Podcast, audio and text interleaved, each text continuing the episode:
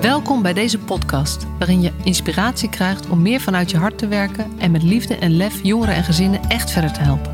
Voel je waarde, voel de passie voor je vak, voel je professional vanuit je hart.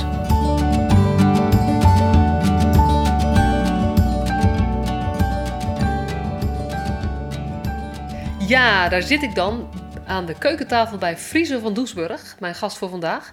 Heel erg leuk dat ik uh, met jou in gesprek mag vandaag, Friso. Ik vind het ook superleuk. Ja, en even voor uh, alle luisteraars. Um, de shout-out naar Friso. Hij, ik noem het, je noemt het geloof ik editen. Hij zorgt al bijna vanaf het begin ervoor dat het muziekje vooraan mijn podcast staat... en het, de outro aan het eind van mijn podcast... En dat het volume een beetje op elkaar uh, afgestemd is. Dus dank je wel daarvoor. En uh, ik ben er heel erg blij mee. En uh, volgens mij de luisteraars ook. Ik doe het met plezier, Masha. Echt. Je bent met de goede dingen bezig, dus met alle liefde. Ja, nou, weet je, bij deze de credits voor jou. En ik vind het heel leuk dat we nu ook nog samen een podcast gaan maken. Ja, ja. En ik begin net zoals bij alle andere podcasts met dezelfde vraag. Ben jij een professional vanuit je hart? Vind ik een hele goede vraag, Masha. En het is natuurlijk te verwachten dat deze vraag zou komen. Uh, en ik heb er ook al over nagedacht. En ik vind die vraag voor mezelf vind ik heel lastig. Ik vind hem heel lastig. Omdat ik zeker werk en leef vanuit mijn hart. Alleen ik weet nooit zo goed of ik nou ook een goede professional ben. Dat vind ik lastig. En ik weet niet of dat uh, mijn omgeving dat mij moet teruggeven. Want ik denk ook, ja, weet je, ik, eh, voor de luisteraars thuis, ik, heb, ik werk al langer, denk ik, als uh, in de jeugdzorg of in de zorg ben ik al lang mee aan de haal. Maar ja, ik ben er ook wel eens uitgezet. En maakt dat dat ik dan geen goede professional was. Waarom ik dan? Of mijn contract niet was verlengd. Of ze zeiden, ja, Friso, vind je een leuke jongen? Maar ja, we gaan toch niet met je verder. En als dat dan de, de criteria van een goede professional zijn wanneer je contract wordt verlengd, of dat ze zeggen: hey, we gaan met je verder, we gaan verder onze werkzaamheden met elkaar uitoefenen. Ja, dan denk ik, ben ik dan wel een goede professional. Terwijl ik wel altijd alles doe vanuit mijn hart. Dus um, dat is wel een leuke, leuke twist. Dus je vraagt je eigenlijk niet zozeer af of je, of je een professional bent. Ja, ja. Maar wel of anderen vinden dat je een goede professional bent. Ja, ja. En wat duidt dat? Wat duidt dat? Wanneer ben je een goede professional en hoe kun je dat toetsen in je omgeving? Ja, en hoe kijkt de buitenwereld er tegenaan en wanneer ja. vind je dat zelf? Ja, wanneer vind je dat zelf? Ja. Ik leef vanuit mijn hart, dus ik denk dat ik de goede dingen doe. Vaak als ik met jongeren uh, was en leefde en werkte, dan dacht ik ook, nou, de, de, volgens mij zit het wel oké. Okay. En met heel veel collega's die vonden mij ook uh, super gezellig en sommigen ook niet. Uh, maar als je contract niet wordt verlengd of ze zeggen aan het einde van de rit, ja, Friso, uh, ja, het wordt hem gewoon niet. Uh, ja, is dat dan de criteria van een goede professional zijn? Dat vind ik lastig. Dat vind ik lastig. Wanneer ben je dan een goede professional? Wanneer ben je volgens jou een goede professional? Ja, ja. ik denk, ja, ja. als je doet wat je voelt en wat er nodig is. En je ziet dat de, de ik heb met jongeren gewerkt, hè, heel veel met jongeren, vooral in de jeugdzorg. Uh, en als je ziet dat zij groeien en dat zij het fijn hebben, dan denk ik, oh, dan doe je iets goed. Dan doe je iets goed. Maar dat gaat soms ook uh, tegen het idee in van de organisatie. Ja. ja, dus de vraag is niet zozeer, ben jij een professional vanuit je hart? Maar als ik dat dan ben, want volgens mij zeg je ja. juist volmondig ja daarop. Ja, zeker, absoluut. Uh, absoluut. Alleen eh, zit je vraag meer in van ja, maar hoe kijkt de buitenwereld daar dan tegenaan ja, als je dit ja. echt gaat leven? Ja. En daar worden komen wel eens wat kritische geluiden uh, over. Juist op dit stukje, zeg maar. Ja, ja. Ja. ja. Ja. ja, en de ondertitel van mijn boek is natuurlijk Maak met liefde en lef het verschil. Ja. Um, nou, dat lef ontbreekt jou niet. Nee. Kan je daar eens iets over vertellen? Wat, hoe dat dan ja, maar welke dingen heb je dan gedaan waar dan organisaties niet zo blij mee waren? Of, of, wat is je rol geweest? Of... Poeh, ja, ja. Nou ja, uh, bij sommige organisaties lag ik vaak in de clinch met de gedragswetenschappen. Als we dan de jongeren gingen uh, behandelen, hè, noemen ze dat zo, bespreken, als we daar overleg over hadden, dan hoe een gedragswetenschapper vaak naar de jongeren keek, dat, dat uh, was haaks op hoe ik de jongeren zag, waar ik mee leefde op dat moment. Dus als zij of hij een idee daarbij had, eh, ja, dan zag ik dat anders. Nou ja, dan leg je dat onderwerp op tafel. Hè, maar vaak zijn ge- gedragswetenschappers de holy grail in een organisatie. En als je dan als eh, nou, destijds als simpele begeleider daar anders tegenaan keek, ja, dan werd dat vaak niet een dank afgenomen. En heeft dat dan met posities te maken voor je gevoel? Eh, ja, dat zal meespelen. Dat zal meespelen. Dat zal meespelen. In gedragswetenschappen wordt vaak hè, toch een beetje, dat denk ik, hè, het zal niet altijd zo zijn, binnen een organisatie op handen gedragen.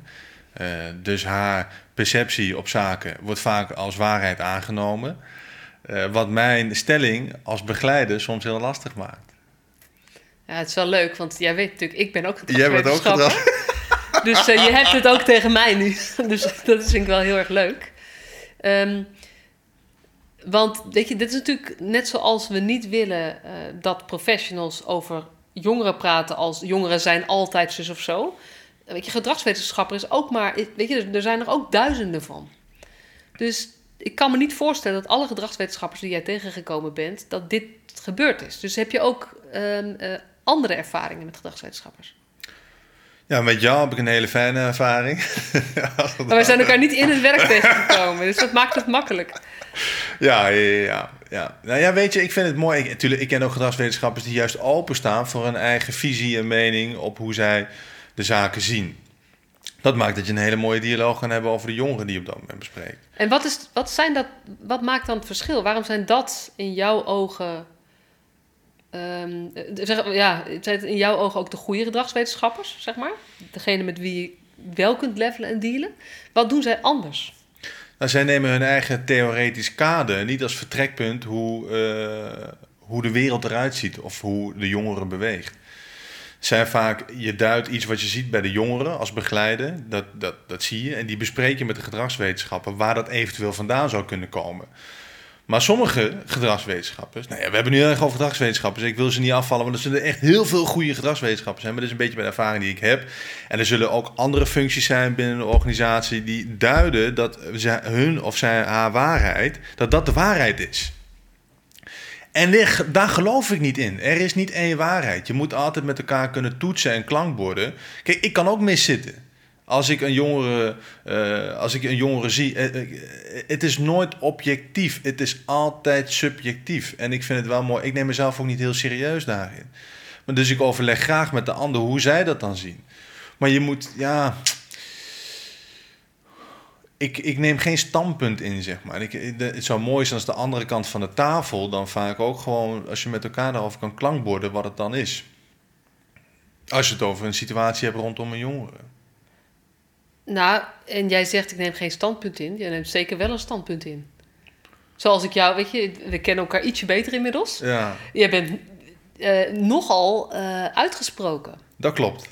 Dat klopt. Eh, en dan, weet je, alleen al het feit van, joh, weet je, je, er is geen waarheid, Ja. is wel een standpunt. Ja, dat klopt, ja. Ja, ja, ja, ja. Maar ik denk dat het een hele universele waarheid is. Dus die waarheid is niet voor mij, denk ik, hè, is ook maar een idee. Eh, maar door geen waarheid zeg maar, te pretenderen, dan kun je met elkaar al veel makkelijker praten over iets wat er gebeurt. En sta je open voor andermans meningen en visies. Ja, en zoals ik een beetje naar je luister, gaat het ook heel erg over vanuit de theorie of vanuit kennis redeneren. Ja, en gevoel. Precies, als, je, als, je, als het alleen vanuit kennis theorie is, dan heb je het gevoel van dit gaat niet, weet je, dit gaat niet over de echte werkelijkheid. Ja, Maar het is zo belangrijk om dit gevoelslevel en de Ja. beleving erbij te pakken. ja, ja. Ja, het is een combinatie. Het is Combinatie. een combinatie. Ja, nou ja, we zijn inderdaad eventjes de, de, het pad ingedoken van eh, eh, de... de nou ja, ik, ik, je triggert me wel, dat je zegt de gedragswetenschappers zijn de holy grail van een organisatie. Dat zie je Ik denk vaak. dat, eh, dat veel gedragswetenschappers dat niet zo ervaren. Dus dat is ook interessant. Ja, dat is een hele interessante. Dat klopt. Dat klopt. Ik spreek veel gedragswetenschappers die juist het gevoel hebben... ik mag opkomen draven als iets lastig is. Ja. En dan moet ik opeens een soort van ehm, eh, oplossing hebben voor een probleem. Ja. Maar ik heb niet meer de tijd, ik krijg niet meer de tijd om eh, echt uh, me goed te investeren in, in, in de werkrelatie, maar eigenlijk goed zelfs te verdiepen in zo'n jongere of in zo'n Ja. gezin. Eh, want ik word alleen maar eh, opgeroepen als het lastig is. Dus ik voel me een beetje in, eigenlijk in de marge gezet.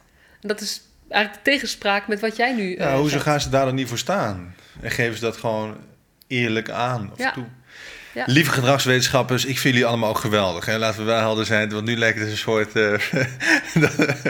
een gedoetje tegen. Nee, nee, nee. Dus de, ze zijn ook allemaal geweldig. Maar dit, ik vind het leuk. Ik vind het altijd interessant hoe je als je in een organisatie binnenkomt, vooral in de zorg en in de jeugdzorg, hoe dat dan eh, wordt gedragen. Ja. ja, en ik vind het wel leuk, want eh, dat jij er tussendoor zegt: Ik heb niet zoveel mening. Jij barst van de meningen en de visies. jawel, en, eh. En dat is, dat is natuurlijk ook waarom je, ehm, waarom je tegen zo'n zo iemand, of het in welke functie dan ook is, zeg maar, dat is juist iets, omdat jij een afwijkende visie hebt, Ja, ja. afwijkende mening hebt, en er mis- misschien niet zozeer afwijkend, maar er meer voor uit durft te komen dan een ander. Heb je dat, heb je dat altijd al gehad? Want jij bent natuurlijk, eh, ehm, eh, ik, ik ben jou op het spoor gekomen eh, omdat je een boek hebt geschreven. En misschien, is, het, ik denk heel veel mensen die hier luisteren zullen het weten, maar misschien sommige mensen niet. Je hebt een boek geschreven uit huis. ja, ja. Waarin je vertelt over je eigen ervaringen ehm, eh, toen je uit huis geplaatst werd. ja. Zou je iets meer daarover kunnen vertellen? Ja, ja, ja, ik was eh elf, bijna twaalf toen ik uit huis werd geplaatst. Eh, toen kwam ik op een crisisopvang terecht, crisisopvang terecht, verschillende woongroepen. Eh, ja, een lange reeks totdat ik, dat ik 18 was. Heb ik in het eh, zorgland als bewoner jongeren mee mogen lopen. En daar heb ik een boek over geschreven. Ja. En wat staat er in dat boek? In dat boek neem ik de lezer mee met mijn ervaringen. Ja. Ja. En ehm, toen het net uit was, is, ben je ook aardig. ehm, weet je, jij, jij bent goed in dan de media opzoeken. En de media weten jou goed te vinden. Ja. En dat heeft ook te maken met dat je je wel uit durft te spreken. Ja, ja, ja. Dat doe je ook in het boek. Je bent behoorlijk kritisch ten aanzien van een aantal dingen in ons eh, prachtige stelsel en hoe het gaat. Eh, en daar gaan we niet te veel op in, op die kritiekpunten. Want we gaan het vooral hebben over ik ben ook helemaal wat dan kritisch. anders. Nee, nee, grappig dat je het zegt. Omdat, ik- nou, ik, ik dacht niet dat ik kritisch was in het boek. Eh, ik neem de lezer mee in de dingen die in mij zijn, eh, ja, die eh, ik mee heb gemaakt. Ja. Als dat maakt, zeg maar, dat de, de lezer denkt, hé, hey, wat frappant dat dat eigenlijk gebeurt. Ja, dan vind ik dat heel mooi. Dan vind ik dat heel mooi. Ik heb geen kritiek op de jeugdzorg. Ik, ik vind ook zelfs nog sterker nog, ik vind het terecht dat ik het huis ben geplaatst. Het is terecht. Alleen het vervolg daarvan, daar heb ik wel mijn vraagtekens bij. Ja. En wat zou er, als je daar dan toch, je hebt je vraagtekens bij wat er daarna Ja. gebeurd is. Ja. En als je het dan heel simpel maakt, welke, welke dingen, welke, noem eens drie dingen of zo, waarvan je zegt, ja, dat is gewoon niet handig geweest. Of dat heeft, weet je, daar heb ik nog wel ehm, last van gehad, of daar heeft mij tekort gedaan. Of, Ja, ja, ja. Eh, drie dingen. Nou, ik, het is leuk, zeg maar, om het hierover te hebben. Waarom? Nou, het gaat natuurlijk ook over het professional vanuit je hart zijn. En hoe we dan misschien wel eh, 5% eh, eh, zouden kunnen toevoegen aan hetgene wat we nu aan het doen zijn in het jeugdzorgland. Een van die dingen is, eh, kijk, en het huisplaatsing is heel abrupt. Alsof de navelstreng gewoon wordt doorgeknipt op dat moment. En het is heel hard, koud en heel vervelend voor eh, de betrokkenen. In dit geval ikzelf en mijn moeder. Het zou natuurlijk mooi zijn als een uithuisplaatsing een proces mag zijn als het het toelaat. Je hebt natuurlijk crisissituaties waarvan ik echt denk, nou, die jongere moet per direct uit huis worden geplaatst, omdat het een hele onveilige situatie is voor het kind. Dan klopt het. Maar als we realistisch kijken vaak naar situaties, dan denk ik misschien maar dat 10% echt in een crisissituatie zit, waardoor die abrupt uit huis zou moeten worden geplaatst. Er is misschien 90%. Goed, ja, ik, ik noem nou, ik, ik noem procenten, ik weet het niet. Hè? Ik ben niet eh, van het, eh, hoe zeg je dat? CBS is het volgens mij, een planbureau, eh, statistieken, eh, whatever. Eh, het kan, dat kan op een hele andere manier plaatsvinden. Dus dat het, dat het misschien een jaar mag duren voordat iemand uit huis wordt geplaatst. Ja. Omdat de, de nasleep van een uithuisplaatsing heeft ervoor gezorgd dat mijn moeder tot de dag van vandaag niet meer is wie ze is voordat ik uit huis werd geplaatst. Ja. En dat, Bam. Ja, dat is heel discutabel geweest voor haar. Ja, want jouw uithuisplaatsing is ook echt dat je op school bent opgehaald. Ja, ja, Politie erbij. ja. Ja, ja, ja. En ehm, eh, dat je ook niet meer thuis bent geweest kort daarna. Nee, ik ben daar, nee, ik werd direct geplaatst in de crisisopvang. En het, ja, ja. Ja. Het was niet nodig. Ik ben heel beschermend opgevoed door mijn moeder. Dat is dan ook de reden waarom ze zei, nou, Friso kan beter gewoon eh, uit huis worden geplaatst. Te beschermend. Mijn moeder eh, isoleerde haarzelf ook op een gegeven moment. Dus het klopt helemaal. Echt terecht, de uithuisplaatsing. Goed, hebben ze helemaal gelijk. Alleen als iemand beschermd is opgevoed, betekent ook dat hij soms een beetje wereldvreemd is. En eh, de, met de politie op dat moment in aanraking komen en dat mijn moeder de knuffels kan brengen naar een crisisopvang. Ja, dat is, dat is gekkigheid, joh. Dat is gekkigheid. Ja. Ik spreek huidige begeleiders eh, die op dat moment in de crisisopvang werkzaam waren, die zeggen dat had nooit mogen plaatsvinden. Jij, mijn, mijn buurjongen, toen ik uit huis werd geplaatst in die crisisopvang, die was tegen muren aan het praten. Ja, ik vond het hartstikke eng, joh. Ik zat daar met mijn knuffel en dan eh, zit je in zo'n crisisopvang waar eh, veel plegers zitten. ja, dat was een hele rare omgeving voor mij destijds. Ja, en ik, ik deel ook wel wat jij zegt. Jij noemt het crisissituaties. Ik vind crisissituaties altijd heel breed interpretabel. Ja, ja. Dus ik probeer het ook nog wat scherper te maken eh, met situaties die acuut onveilig zijn. Ja, acuut onveilig. En dat is een verschil met Ja. zeer ongewenst. Ja, Want dat is eigenlijk, zoals jij vertelt over, over hoe je opgroeide. Voor jouw ontwikkeling was dat niet de beste situatie. En Nee. voor jouw ontwikkeling was het belangrijk dat je ergens anders eh, kon opgroeien. Ja, ja. Maar het was niet acuut onveilig. Nee, nee, absoluut niet. Nee. Absoluut niet. En ik deel ook met je, en die percentages, weet je, laat het 20, 80 procent zijn. Of, know, of 30, ja. 70. Maar in ieder geval Ja. dat het veel vaker eh, zeer ongewenst is dan acuut onveilig. En dat we wel gaan handelen op grond van acute onveiligheid. Ja, ja. En dat we daarmee ehm, eh, ook schade toebrengen. Ja. Ja, Oké, nou dat is een mooi eerste Mooi punt. eerste punt. Ja? ja. Heb je een tweede punt waarvan je denkt, ja, dat is wel. Ja, weet je, Masha, ik kom uit de tijd van de competentiemodellen. dus die, die gekkigheid eh, moet je dan ook nog meemaken. Dat eh, je van ochtends vroeg tot avonds laat eh, met je blaadje op kantoor stond om jezelf. eh, dan weet je, kreeg je een cijfer voor hoe goed de ochtend was gegaan. Dan kreeg je vijf cijfers en het ging dan of je je bordje had opgeruimd, of je waszak had ingeleverd, of je kamer schoon had achtergelaten en je op tijd naar school bent gegaan. Ja, dat is natuurlijk. eh, je komt, ik kwam. thuis was het inderdaad niet even oké. Maar tegelijkertijd, eh, om in zo'n eh, systemische omgeving terecht te komen. Ja, dat was wel. eh, dat is gekkigheid, joh. Dat is gekkigheid.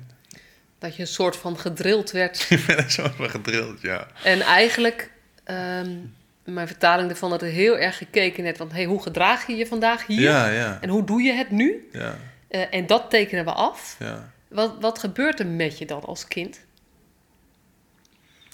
Nou ja, je wordt, je wordt heel erg. eh, wordt, je wordt geleerd, denk ik. ehm, om niet zelf na te denken. Om niet zelf na te denken. Er is een lijstje met punten en dat is de structuur van de dag. Die is niet door jouzelf ingevuld. Die is ingevuld door een, een, iemand die het competentiemodel heeft bedacht en met punten daarop waarvan ze dachten, nou zo moet de dag verlopen. En dat is dan de structuur. Er zit niks geen eh, emotie bij in, er zit niks geen voelen bij in. Het was gewoon een, eh, ja, de verloop van de dag stond op papier. Nou, lekker dan als je 18 bent, zonder papier. Hoe verloopt je dag dan? Lever je eerst ochtends je waszak in of doe je je was? Ik heb geen idee. Er zit niks eigenheids in. Dus je, je, ehm, je weet goed wat je moet doen, maar je leert Ja. eigenlijk helemaal niet meer wie je bent en Nee. wat je zelf wil. Nee, nee, nee. Het is allemaal ja, extrinsiek gemotiveerd Ja. en niet meer over wie jij, wie jij bent, wat, je, wat je drive is, Ja. waar je zelf... eh, ja. Heb je het idee dat dat nu eh, heel anders is? Dat je zegt van, ik, bij mij, ik zat in de tijd van het competentiemodel. Ja, het idee dat dat nu veel heel anders is geworden? Volgens mij wel. Volgens mij eh, wordt er niet meer gewerkt met het competentiemodel. Ja, nog steeds wel. Echt serieus. Ja. En dat zou jij beter weten dan. Wel minder dan, eh, dan in die tijd, zeg maar. Want ik, ja, toen draaide ik ook wel mee.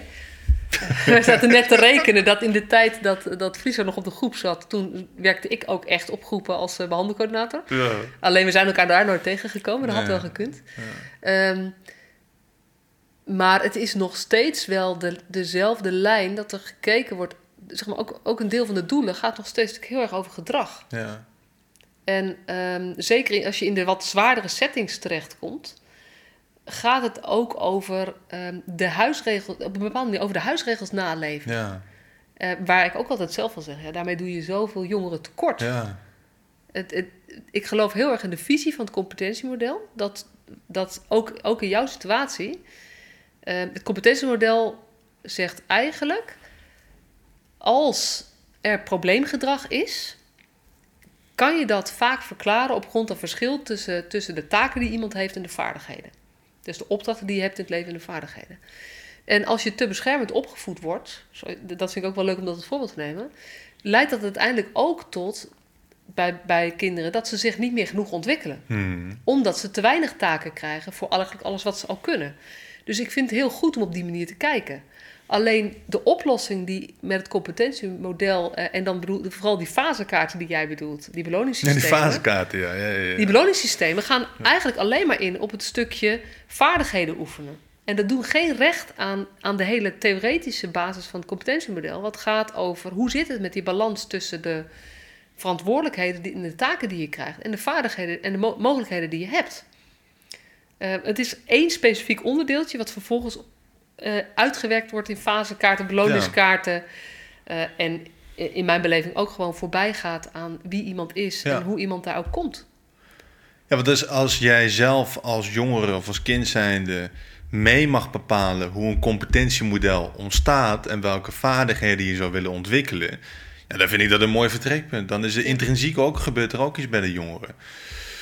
Maar als het bepaald wordt van buitenaf waar een jongere zich in zou, eh, ja, hoe zeg je dat? In zou moeten gedijen of waar, waar ze naar moeten leven, dan ontstaat er ook probleemgedrag. Omdat ze niet altijd, zeg maar, dat kunnen naleven wat er op de competentiekaart staat.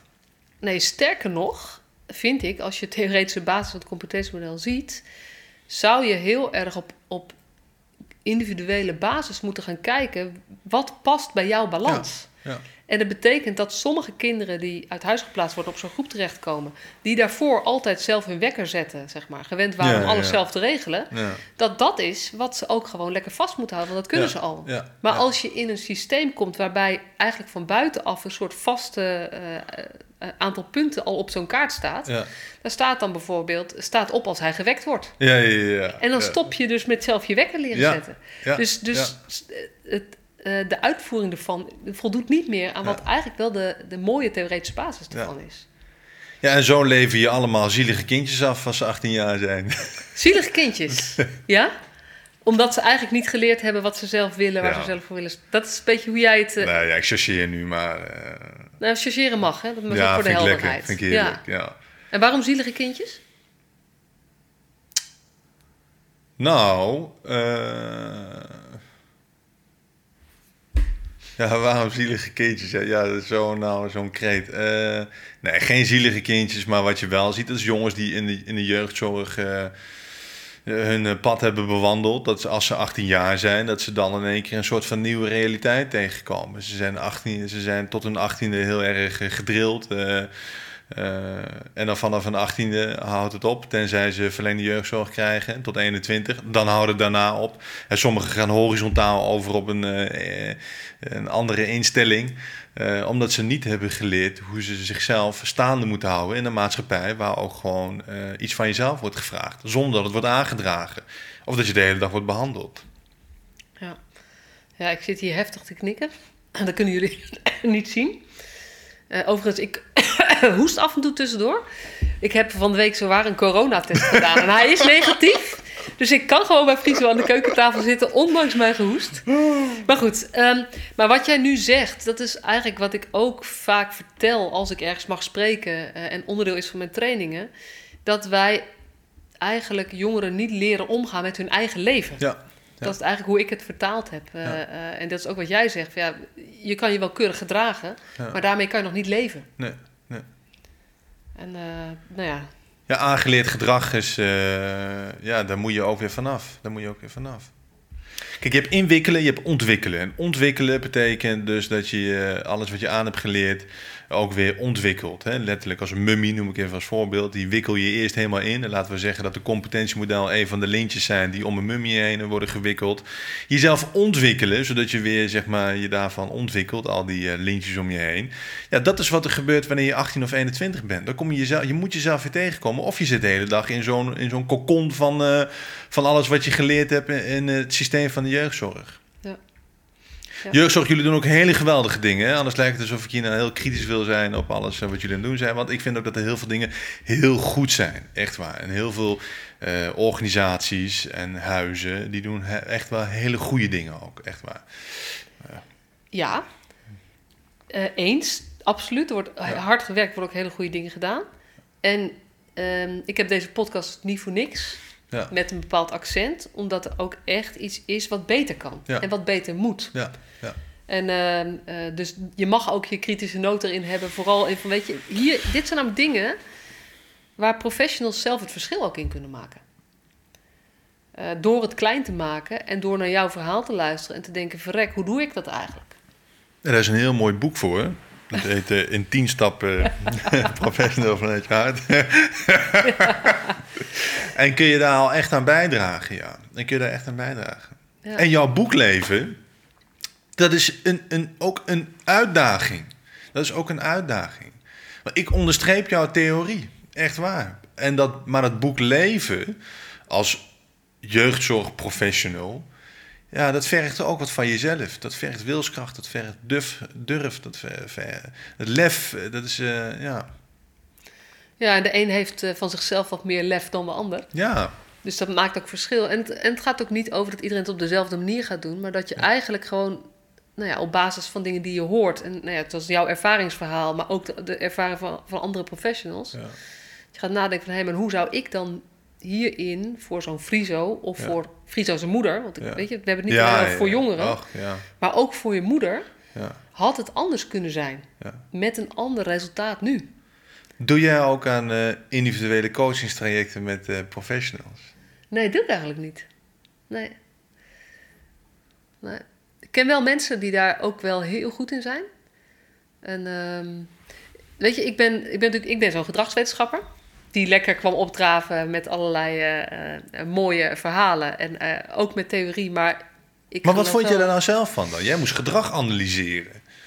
Nou ja, ik, dat is heel grappig. Want ik ben um, tijdens mijn studie... Ik heb in Leiden gestudeerd. Dat is wel echt een klassieke opleiding.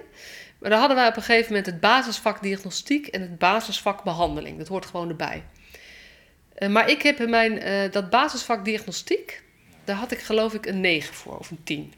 Zonder enig probleem, zeg maar. Ging me heel makkelijk af. Maar wat ik daar me realiseerde al, want dan moet je gewoon wat testjes afnemen en dan iets over opschrijven en dingen. Uh, ik heb toen al bedacht, wat ik nu hier opschrijf, kan iets totaal anders zijn dan een even goedwillende uh, orthopedagoog gaat opschrijven op basis van dezelfde testresultaten, omdat ik kijk met mijn bril. En dat is waarom ik op dat moment al besloten heb: ik ga nooit, ik, ga niet in de diagnostiek, want ik geloof er niet in dat ik zie hoe het is. En dat is tijdens mijn studie al geweest. Dus ik ben, um, ik ben ik, weet je, ik geloof wel in diagnostiek, maar het vraagt zo ontzettend veel zuiverheid van de diagnosticus. En ik weet hoe moeilijk dat is, uh, sowieso, om, om je eigen uh, blinde vlekken of je eigen kokervisie scherp te hebben op ieder moment. Zeker in tijdsdruk of in belang. Nou, het, is, het is nu nog veel erger dan toen ik studeerde met de DSM-criteria. Mm. En weet je, wat je allemaal al gediagnosticeerd moet hebben voordat je bepaalde dingen toegewezen krijgt. Dat vind ik, vind ik echt heel erg, omdat je mensen gewoon tekort doet in iedere diagnostiek. Uh, dus ik heb eigenlijk op dat moment al besloten, ik ga dat niet doen. Uh, en um, ik geloof wel in handelingsgerichte diagnostiek. In die zin kan je op grond van hoe iemands leven gelopen is, begrijpen hoe die nu, dat hij ja. nu doet wat hij doet. Ja. En datgene wat je, uh, wat je niet begrijpt, daar ja. zou je nog eens kunnen kijken, is er iets bijzonders aan de hand? Ja. Um, en datgene wat je wel begrijpt, vind ik eigenlijk het meest interessante vraag. Dat begrijpen is heel leuk, maar de, de, de, de interessantste vraag vind ik: En hoe zou ik jou kunnen helpen zodat je net iets minder last hebt van datgene waar je nu wel last van hebt? Of dat jij meer ehm, je eigen leven vorm kan geven. Dus redenerend vanuit het hier en nu. Redeneert vanuit het hier en nu. eh, met inachtneming van begrijp ik je verhaal. Waar het ook vandaan kan komen. Ja, en dan vind ik ook, ik ben de laatste, dan moet, ik- ik moest denken, naar net aan denken toen jij vertelde ook eh, over je eigen ervaring en hoe dat was voor je moeder. Ehm, het thema rouw. Zeg maar, de, hoe, eh, de rouwprocessen. Hmm. Eh, ik ben een boek aan het lezen, dat heet De Cirkel van Verbinding. En ehm, eh, dat gaat over eh, eh, rouwprocessen bij pleegkinderen en adoptiekinderen. En het gaat ook gewoon over, of gewoon, het gaat over wat gebeurt er bij een uithuisplaatsing. En ik heb daar nou, nooit op deze manier bij stilgestaan, maar dat, dat we niet moeten, we moeten dat niet onderschatten. En dat doen we dus collectief wel. Ja. ja. Dus we, we onderschatten collectief dat op het moment dat een kind uit huis geplaatst wordt, of het, zelfs als het eigen keuze is, zelfs als ouders ervoor kiezen, zelfs als een kind ervoor kiest, komen mensen in een rouwproces terecht. En ehm, heel veel gedrag wat er daarna gemanifesteerd wordt, wat, wat, je, wat we daarna zien, gaan wij analyseren. Ja. En dat ja. zijn niet alleen gedragswetenschappen, hoor, dat doen- dat moeten jeugdzorgwerkers ook Ja. gaan we analyseren en dan gaan we een, gaan we een verklaring voor geven. Terwijl als ik even wat met wat meer afstand kijk, ehm, dat ik dan denk, eigenlijk is het een hele logische reactie Ja. op wat er net gebeurd is. Ja. Namelijk dat jij op een, heel, eigenlijk op een hele stressvolle manier uit je eigen vertrouwde omgeving, omgeving bent weggerukt. Nou, daarom vind ik het ook zo lastig om alleen naar gedrag te kijken van eh, Ja. jongeren en kinderen. Omdat Ja. dat ergens vandaan komt. Je hebt kinderen en jongeren die in, in een omgeving zijn waar ze zich totaal niet fijn kunnen voelen, doordat het een hele saaie eh, omgeving is. Het huis waar ze op dat moment in wonen, de kinderen, de bewoners om hun heen, waar ze zich totaal niet prettig bij voelen. Dat, ja, dat, dat uit zich in misschien wel gedrag waarvan je kan zeggen: hé, hey, dat jongetje of dat meisje, dat is helemaal niet oké. Dat Terwijl de omgeving niet oké is, waardoor het jongetje of meisje zich, zich zo opstelt. Ja. Nee, maar ga je het gedrag analyseren, maar ook begeleiders. Hè? Iedereen eigenlijk op dat moment in die omgeving die erover schrijft, zou zich bewust moeten zijn van wat nog meer een rol kan spelen van waarom iemand zich zo opstelt. Ja. Dat, is heel, Ja. dat vind ik zelf ook heel lastig en heel ingewikkeld. Want wanneer is het eh, gedrag dat hoort bij een, een ontaarde omgeving, zeg maar. Of hij, dit jongetje of meisje, is ontaard, daardoor gedraagt hij zich zo. Ja, en ik geloof dus ook niet dat we dat altijd weten. Dus mijn insteek is veel meer, kun, kan ik jou begrijpen? Kan ik Ja. jouw verhaal begrijpen? Ja. En ik hoorde van de week het, nog eens weer eens het onderscheid tussen sympathie en empathie. Dat Annemiek Harder kan het ook heel mooi uitleggen. En toen ben ik nog eens verder gaan kijken. En dan kom je ook filmpjes van Brene Brown eh, tegen over sympathie en empathie. En sympathie is eigenlijk kijken naar de ander. Ja. En het zielig vinden Ja, het, eh, zeg maar het, het zielig vinden of het sneu vinden voor iemand. ja, En empathie betekent dat je eigenlijk naast de ander gaat staan en gaat inleven. Hoe is het eigenlijk voor jou als jij in deze situatie zit? ja, Wat zou ik doen als ik in die situatie zat? ja, ja. En als ik dan kijk naar, naar nou ja, de boze ouders, die we, waar we het veel over hebben tegenwoordig in de jeugdzorg ook. Of de, de boze kinderen die, eh, die soms tegen het plafond vliegen. Daar kan ik, dat kan ik heel sneu of zielig of afwijkend of eh, eh, agressief gedrag vinden. Maar als ik als moeder in de situatie zou zitten dat ik mijn kinderen niet zou mogen zien, dan zou ik wellicht ook tegen het plafond vliegen. Dus dan ga ik begrijpen waarom iemand doet wat hij doet. ja. En dan maakt het zoveel makkelijker om het gesprek aan te gaan en de verbinding te zoeken en Ja. ook echt te erkennen. Dus Ja, erkennen is een belangrijk onderdeel daarvan. ja, Erkennen wat er gebeurt, hoe het tot stand is gekomen. En met elkaar het, gewoon het gesprek eh, gelijkwaardig aangaan. Om dan te kijken, hey, en hoe nu verder? ja, En dat ga ik niet voor jou bepalen, hoe nu verder. Dat moet jij zelf gaan bepalen. Je mag zelf leren nadenken. Je mag zelf leren voelen hoe dan die volgende stappen eruit zien. Ja, de situatie is nu, je bent uit huis geplaatst. Ja, de situatie is nu dat je in een omgeving zit waar je je niet zo prettig bij voelt. Eh, maar daar hebben we mee te dealen. Dat erkennen we met elkaar. Het is ook belangrijk voor de jongeren om dat ook te erkennen. En dan kun je verder kijken naar het perspectief. ja, En die moet je samen invullen. ja. Nou, en het vraagt ook dat je dus ehm, accepteert dat die situatie voor de jongeren kloten is. Ja, dat kan. En dat we dus, want dat stoppen met redden, Ja. dat we dus niet eigenlijk willen voorkomen dat die zielig is. Ja, Maar dat we, en dat wordt zielig überhaupt, ja. maar dat je vanuit het zielig vinden eigenlijk eh, dingen goed gaat maken Ja. die niet goed te maken zijn. Ik zou je vertellen, Marcia, in een van mijn verslagen staat... eh Friso maakte er veel te veel een feestje van. Dan denk ik, ja, nou en? Omdat, eh, ja, weet je... Ik vond het ook altijd wel gezellig. En ik maakte er ook altijd wel een feestje van. En ik wou de leuke dingen doen. En, eh, maar toch op de een of andere manier... daar is bijna geen controle op uit te oefenen... als iemand gewoon misschien wel redelijk goed in zijn vel zit. Want dan hebben we niks te doen met elkaar. Dus dan moet je meebewegen.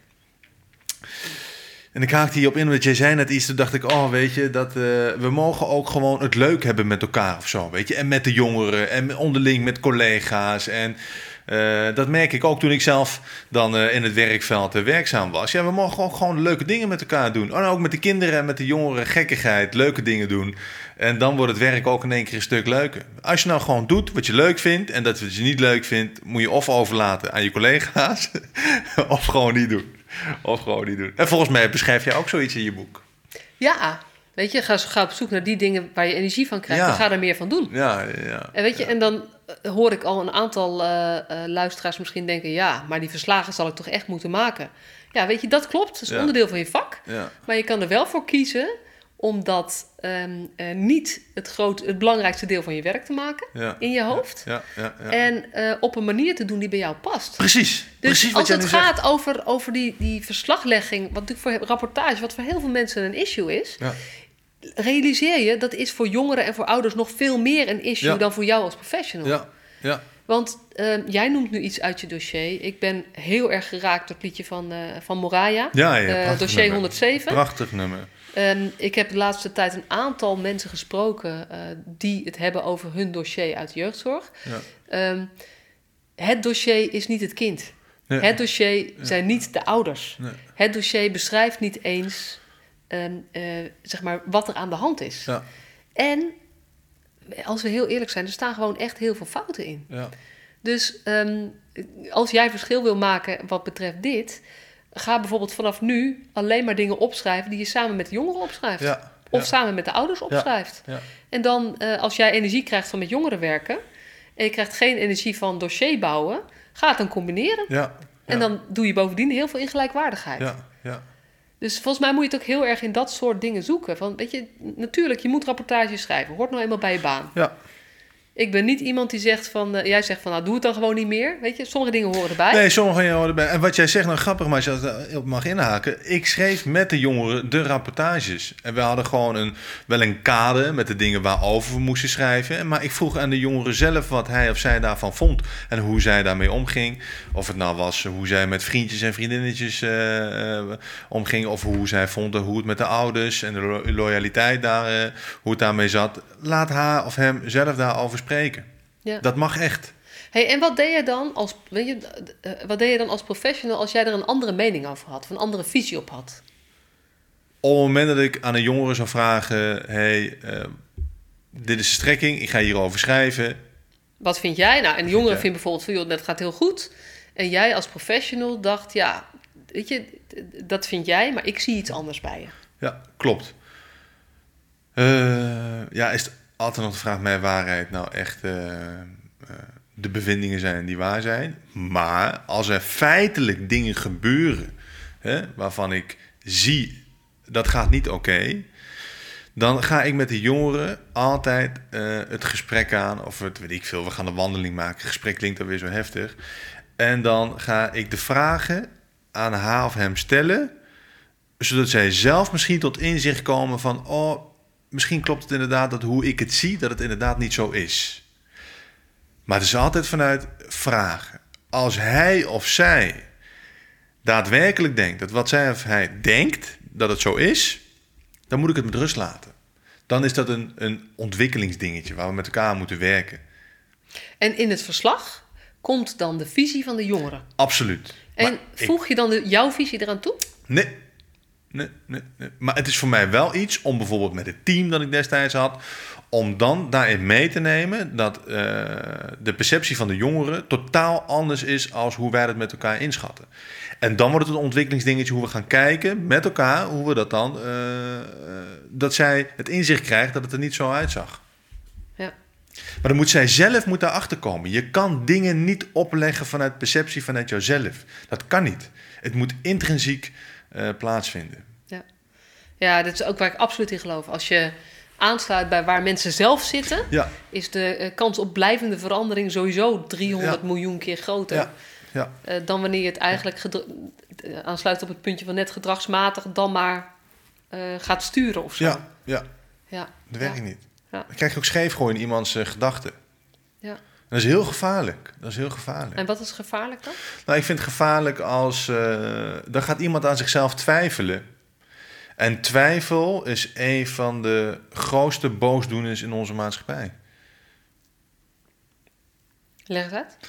Nou, als je aan jezelf twijfelt, dan twijfelt ook je hele omgeving om je heen. Dus daarmee bedoel ik, als je niet 100% uh, durft te zijn wie je bent, omdat andere mensen je opleggen uh, of zeggen dat het niet zo is wat jij denkt, dan ga je twijfelen aan jezelf. Er komt onzekerheid bij kijken. Je gaat slechter presteren dan dan niet op school en in je omgeving. Je gaat nog meer gedrag vertonen wat wel niet past bij jou, omdat je niet meer weet wie je bent.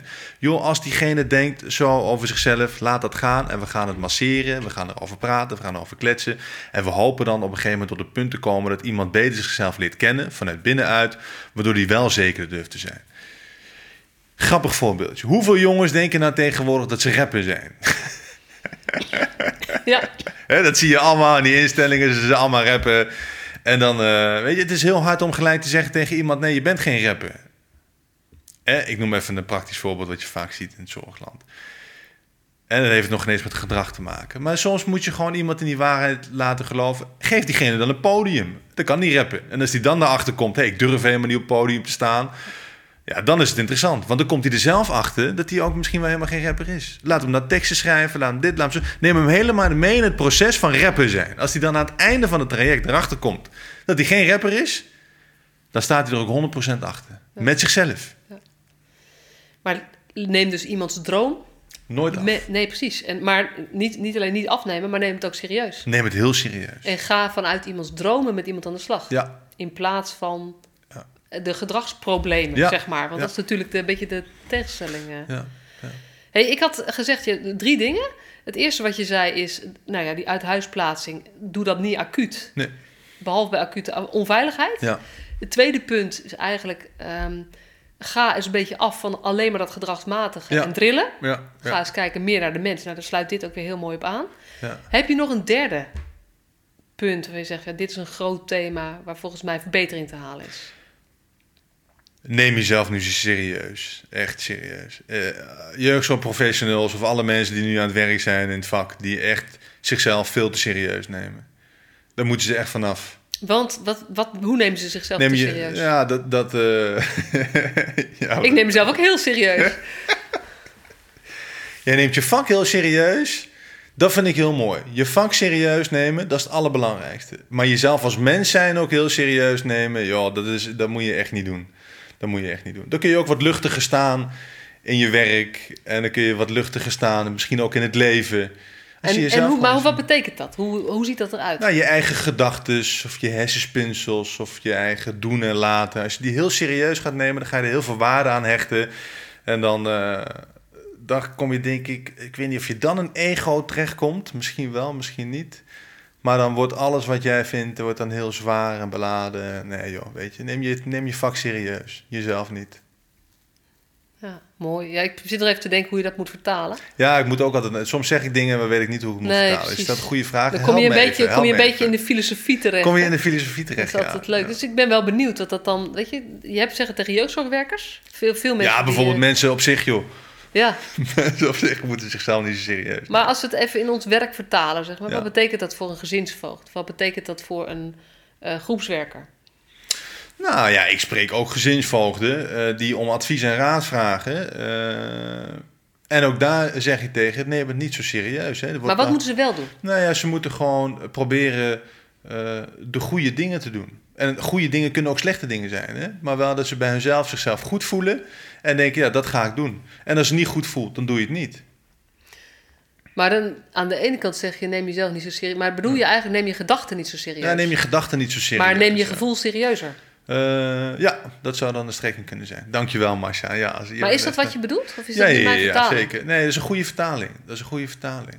Laat je niet zo afleiden door die gedachten en al die kennis Precies. en die overwegingen en die argumenten. Waarin je Ja. ook, weet je, wat ik herken is waar eindeloos teams ook, weet je, dan ga je, hebt zelf gedachten. Ja, dan ga je ja. vervolgens met een team of met een, met een casuïstiekbespreking, Ja, ga je ook anderhalf uur met elkaar erover sparren welke argumenten er allemaal zijn. En jij zegt eigenlijk, heb jij bedoeld volgens mij, neem al die gedachten erover niet zo serieus Ja, en ga eens ja. even terug naar wat je voelt. ja precies. precies. En luister daar eens wat meer naar. Inderdaad. Echt waar, dat vertaal je echt heel mooi. Dat vertaal je echt heel mooi. Ja. En inderdaad, als je met z'n zes aan zo'n tafel zit, dan moet je het ook nog eens zijn met elkaar aan het einde van, de, van het overleg. Nou, dan heb ik helemaal een. eh, joh. Maar is dit niet precies waarom jij, ehm, waar we het gesprek mee begonnen, hè, waarom jij eh, eh, in, een paar, in een paar situaties als professional een beetje nou ja, in, in de clinch kwam? ja, Omdat jij eigenlijk zegt van joh, al die argumenten die genoemd worden, dat klinkt allemaal wel mooi, maar ik voel iets anders. Ja, ja, was was dat eigenlijk bottom line hetgene waar je, waar je Absoluut. tegenaan liep? absoluut. Absoluut. Dus je zegt, je, je zei in het begin van ja, ik weet niet of ik wel zo'n goede professional ben. Ja. Maar je doet nu de oproep, luister meer naar je gevoel. Want dan ben je eigenlijk een betere professional.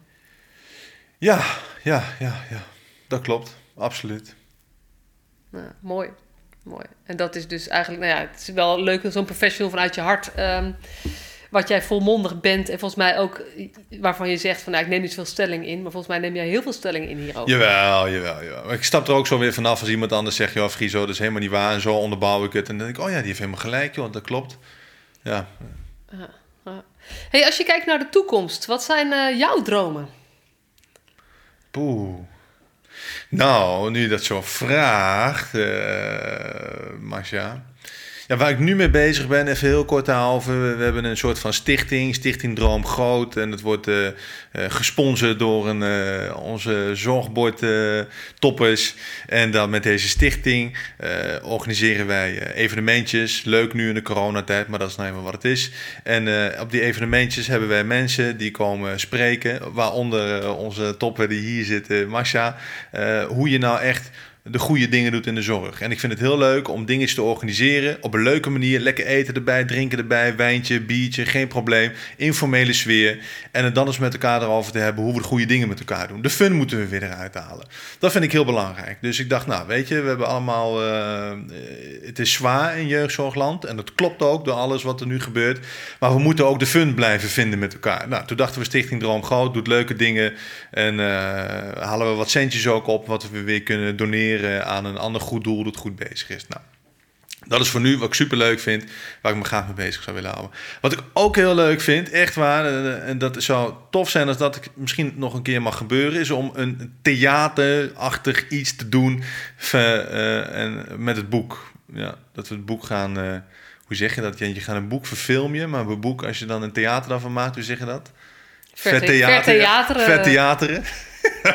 Dat zou ik heel leuk vinden. En ik zou het heel leuk vinden, misschien wel, om het boek, eh, dat eigenlijk, eh, dat ik dat, dat niet meer verkoop, om daar misschien nog wel een soort van combi eh, in te doen met jou en jouw boek. Maar ik weet niet hoe jij daarin staat. Ja, ja het lijkt mij, lijkt mij, lijkt mij onwijs leuk plan. Omdat ik denk, ehm, jouw verhaal... En jij schrijft in je boek... Weet je, toen ik het boek gelezen heb... Het, het raakt me gewoon echt. Omdat je het vertelt vanuit het perspectief van zo'n elfjarige... Nou ja, later was je iets ouder, maar... Ja. En dan denk ik, dit, ik wil niet dat jongeren dit voelen. En ik wil niet dat ouders dit voelen. Want het gaat ook over je moeder. Ja, ja. Ehm, en wat voor professionals heb je daarvoor nodig? Dat zijn professionals die, nou ja, in mijn, het, ook ik ben daarmee, daar zitten we op één lijn, die meer vanuit eerst mens zijn en dan doen wat ze allemaal weten, wat ze Ja. zouden moeten doen, zeg maar. En ehm, ik kan heel erg het verhaal vertellen. Ik heb een soort vertaling gevonden van hoe kan je dat dan doen in de praktijk. ja. Maar het waarom je dat zou moeten doen, dat is in jouw boek. Dus, Ja. dus het- ik zou het een hele toffe eh, deal. Misschien kunnen we wel een leuk eh, eh, pakketdeal maken of zo. Oh, dat zou heel tof zijn. En dan met de kerst, dat iedereen dat dan een soort van... ja, als een soort kerstpakketmogelijkheid. Dat zou ja, dus, zijn. nou ja, dus luisteraars, als jullie dit wat vinden, laat het vooral weten. Als Ja. je denkt, dit vind ik leuk voor mijn team of mijn organisatie. Ja. Heb je nog boeken? Of ga je ze dan even als een haast laten herdrukken? Dan moet ik ze laten herdrukken, ja. Dan moet ik ze laten herdrukken. Dat vind ik trouwens wel interessant, want wij spraken elkaar een paar maanden geleden. Toen zei je, nee, weet je, de boeken, daar ben ik wel een beetje klaar mee. En de reden daarvoor was dat je zei, ja, ik, ik wil gewoon niet vereenzelvigd worden met die jongen die uit huis geplaatst is, Ja, alleen maar. Ja, ja. Kan je daar tot slot nog iets over zeggen? Want weet je, nu hebben we het er toch over om dat weer te herdrukken. Ja, dat klopt. Maar wel met het idee dat het een soort eh, eh, vertaling wordt van... oké, nou dit is mijn verhaal... maar als het in combinatie met jouw boek zou eh, verkocht zou worden... dan heb je ook de vertaling van... hey, zo zou je er ook mee kunnen omgaan als jeugdzorgprofessional. En dat zou ik heel mooi vinden. Dat zou ik heel mooi En normaal, als het toen met mijn boek... dan moest ik gaan praten over mijn verhaal... en de dingen die ik heb meegemaakt. Joh, dat vind ik allemaal niet zo boeiend, joh. Het was meer een boek om een beetje inzicht te krijgen... hoe een elfjarige uit huis wordt geplaatst... en wat er dan allemaal bij komt kijken. Geen eh, eh, kritiek richting jeugdzorg... maar wel de ervaring en daar mag je zelf wat van vinden. Nou, en ik denk met jouw boek dat het een hele mooie vertaling is... van hoe je dus met die elfjarige jongen kon omgaan. die 12 werd, 13 werd, 14 werd... en puber werd. En hoe kun je daar dan mee omgaan? Dat zou echt... eh, jouw boek onderstreept wel de theorie waarvan ik denk... nou, eh, als we zo misschien wel door sommige mensen met mij... eh, als we er zo al met elkaar hadden kunnen optrekken... had ik heel veel baat bij gehad. Ja, ja dus wat jij, ehm, en dat is, dat is ook wel, weet ik voor jou, ook wel een belangrijk thema. Ehm, jij hebt een verleden in de jeugdzorg, maar Ja. jij bent niet. Nee, Dat jongetje, niet. Nee, meer. Nee, nee, nee. Jij bent nu iemand anders. Ja, ja. En, dit, en je hebt een verhaal. Maar eh, jij wil dus ook niet uitgenodigd worden, me- meer, om gewoon Nee. maar steeds datzelfde verhaal te vertellen. Want Ja, dan blijf je er ook ja. een beetje in hangen voor je gevoel. Ja, blijf je er ook in hangen. Het is super saai. Iedereen klapt aan het einde. En dan denk je, ja, joh, weet je. Echt, eh, vind ik hartstikke leuk trouwens hoor, dat ze klappen. Maar ik denk, ja. Maar eigenlijk wil je niet dat ze klappen voor jouw zielige verhaal. Nee, eigenlijk nee, wil je dat ze... eh, je wil iets anders mee bereiken. Ja, ja. Jij wil eigenlijk dat mensen tot actie gezet worden. En Ja. denken, hé, hey, verrek, maar als ik dit verhaal hoor... dan zou ik dit anders ja, ja. kunnen doen of willen doen. Ja. En daarom word je van die combi enthousiaster dan van jouw boek op ja zich. zeker, zeker. Want dan is die constructief. Ja. Dan is die constructief. Ja. Ja. Nou, daar gaan wij nog eens eventjes over doorbomen... hoe we dat in, de, eh, in, de, in de, het idee kunnen uitwerken. Zeg. Ja, als ik kerst, dat is binnen nu en eh, anderhalve maand. Ja, eh, dat is waar. Ja, eh, dan moet, gaan, we er, gaan we daar snel even actie op zetten. hey, we zijn eh, eh, de 50 minuten alweer voorbij. Zo, jeetje man. Dus ehm, eh, dit was een goede start. En wij praten sowieso door, maar misschien eh, kom je nog wel eens een keertje terug in deze podcast. Ja. Zou jij aan het eind nog iets mee willen geven aan de luisteraars? Ben ik iets vergeten te vragen? Heb je nog een laatste lekkere scherpe eh, quote of eh, uitsmijter? Absoluut. Een uitsmijten, een quote, echt waar. Lieve mensen, eh, gedrag hoort soms ook bij de mens. Dat vind ik een hele belangrijke. Het gedrag dat je ziet hoort soms bij de mens. Dus als je denkt, hé, hey, dat klopt niet, misschien klopt het wel. Voor Verdiep je in de mens. Ja, Verdiep je in de mens. verdiep je in de mens. Dankjewel voor je wijze woorden. Dankjewel, Masha. En eh, wij spreken elkaar snel. Yes. Superleuk dat je weer luisterde naar deze podcast. Dankjewel. Nog even kort een paar belangrijke dingen. Ten eerste, het is mijn missie dat de jeugdhulp weer een sector wordt waarin bevlogen, liefdevolle professionals jongeren en gezinnen echt verder helpen. Daarom maak ik deze podcast voor jou. Wil jij deel uitmaken van deze beweging van Professional vanuit je hart, waarin professionals elkaar steeds opnieuw inspireren? Begin dan met het lezen van mijn boek. Je kunt de eerste hoofdstukken helemaal gratis lezen. Ga naar professionalvanuitjehart.nl slash boek. Ten tweede, wil je alle podcastafleveringen overzichtelijk onder elkaar? Abonneer je dan op deze podcast. Klik in je podcast-app op de button subscribe of abonneren. En elke keer als er een nieuwe podcastaflevering gepubliceerd wordt, ontvang je automatisch een berichtje. Ten derde, ondersteun je mijn missie? Geef me dan een review via je podcast-app, bijvoorbeeld iTunes of Spotify. Op die manier kan ik nog meer professionals bereiken. En ken je een collega voor wie deze podcast ook interessant is? Dan zou het super zijn als je hem of haar de podcastaflevering doorstuurt. Bijvoorbeeld door de link te kopiëren via Spotify. Ik vind het altijd heel leuk om berichtjes te ontvangen van luisteraars om te horen wat je van een podcast vindt of als je misschien vragen of suggesties hebt. of als een aflevering je een bepaald inzicht heeft gegeven of er iets in beweging is gekomen. Stuur me dan even een berichtje op masha.professionalvanuitjehart.nl via de website of stuur me een connectieverzoek op LinkedIn.